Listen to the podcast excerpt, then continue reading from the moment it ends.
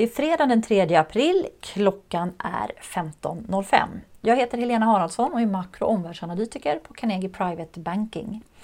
I dessa orostider så gör vi ju dagliga kommentarer som når våra kunder vid 16 och en bredare lyssnarpublik vid 21. Jag ska prata om marknadsläget, dels hur olika placeringar gick under första kvartalet men också under mars.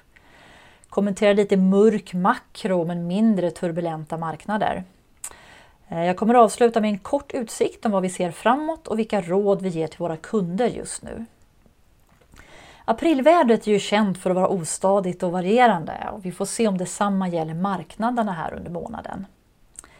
Vi vet att första kvartalet var svagt för de flesta tillgångslag, men att mars månad avslutades med bättre humör. Idag så är Stockholmsbörsen svagt ner, men defensiva bolag som till exempel AstraZeneca, Essity, de är upp. Mot strömmen går också Hennes och Maurits som i sin tremånadersrapport berättade att försäljningen i mars föll runt 45 procent jämfört med samma månad förra året. Onlinehandeln ökade med ungefär 17 procent och de beskrev en rad krisåtgärder som de har vidtagit. Och det här gjorde att aktien steg. Nu står vi i april och jag tänkte vi skulle backa bandet och se vilka tillgångar som klarade sig bäst under årets första kvartal. Och det var faktiskt statsobligationer och guld man skulle ha om man ville ha en värdeökning. De steg.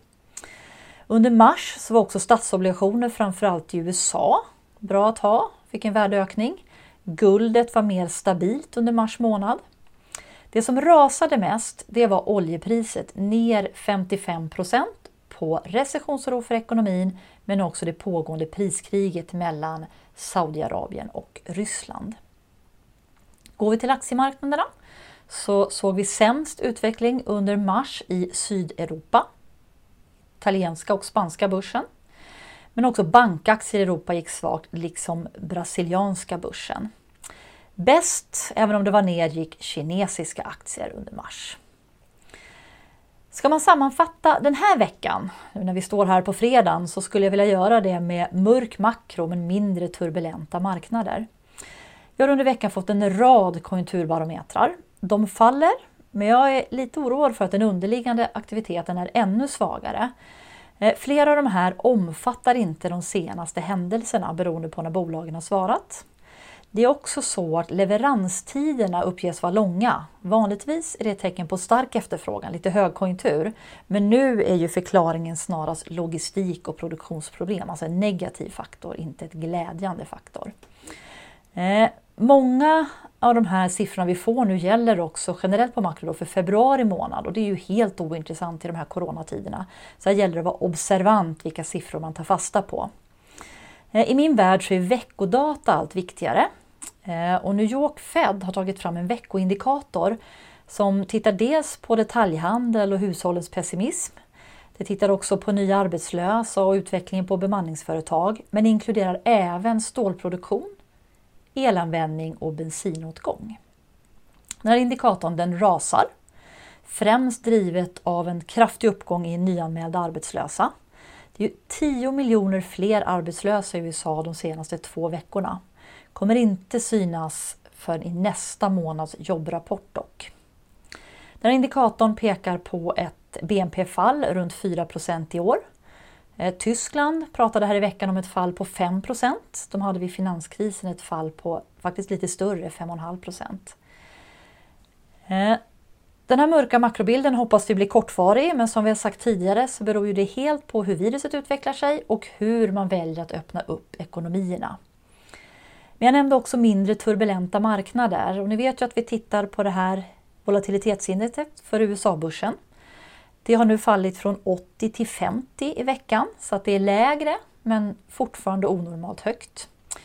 Ett annat mått på turbulens och oro det är ju kreditspreadar på företagsobligationer och tittar vi på det mer riskfyllda segmentet i Europa, så kallad high yield, så har ränteskillnaderna där fallit till nästan 1,5, eller med 1,5 procent sedan toppen då för 10 dagar sedan. Men nivån på de här spreadarna är fortfarande ungefär tre gånger så hög som för en till två månader sedan. Tittar vi framåt nu så skulle jag vilja beskriva eh, vår syn på marknaden som att i den ena vågskålen då för ekonomi, vinster och börs så ligger de här förlängda ekonomiska nedstängningarna som innebär konkursrisker. I den positiva vågskålen så ligger då stödpaket men också att ökningstakten i virusfall nu ser ut att stabilisera sig i några länder i Europa. Bland de stora länderna dock så pekar virustrenden fortsatt uppåt i både USA och Storbritannien. Och nytt för veckan och lite oroande var att Kina har satt en ny region i karantän på grund av att de ser en uppgång i virusfall där igen.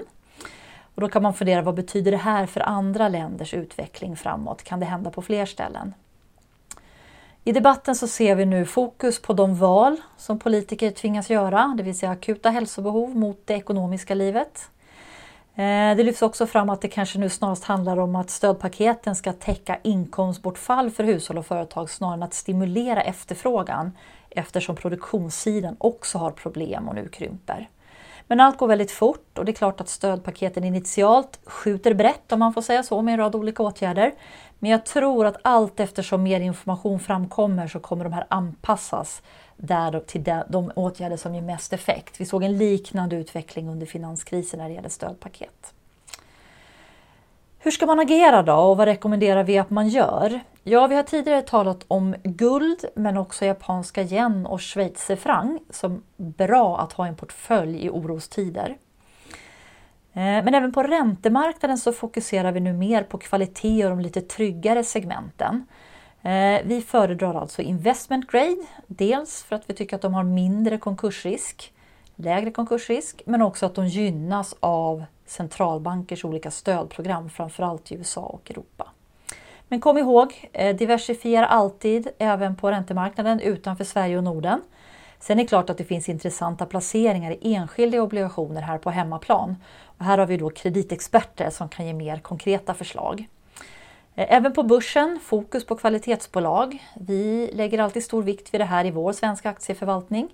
Men man kan också se att på de flesta börser sista tiden så har kvalitetsbolag och defensiva sektorer gått bäst.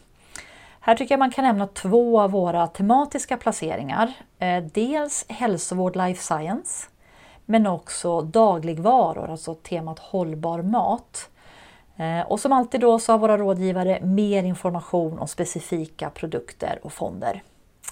Så tack för den här veckan och trevlig helg!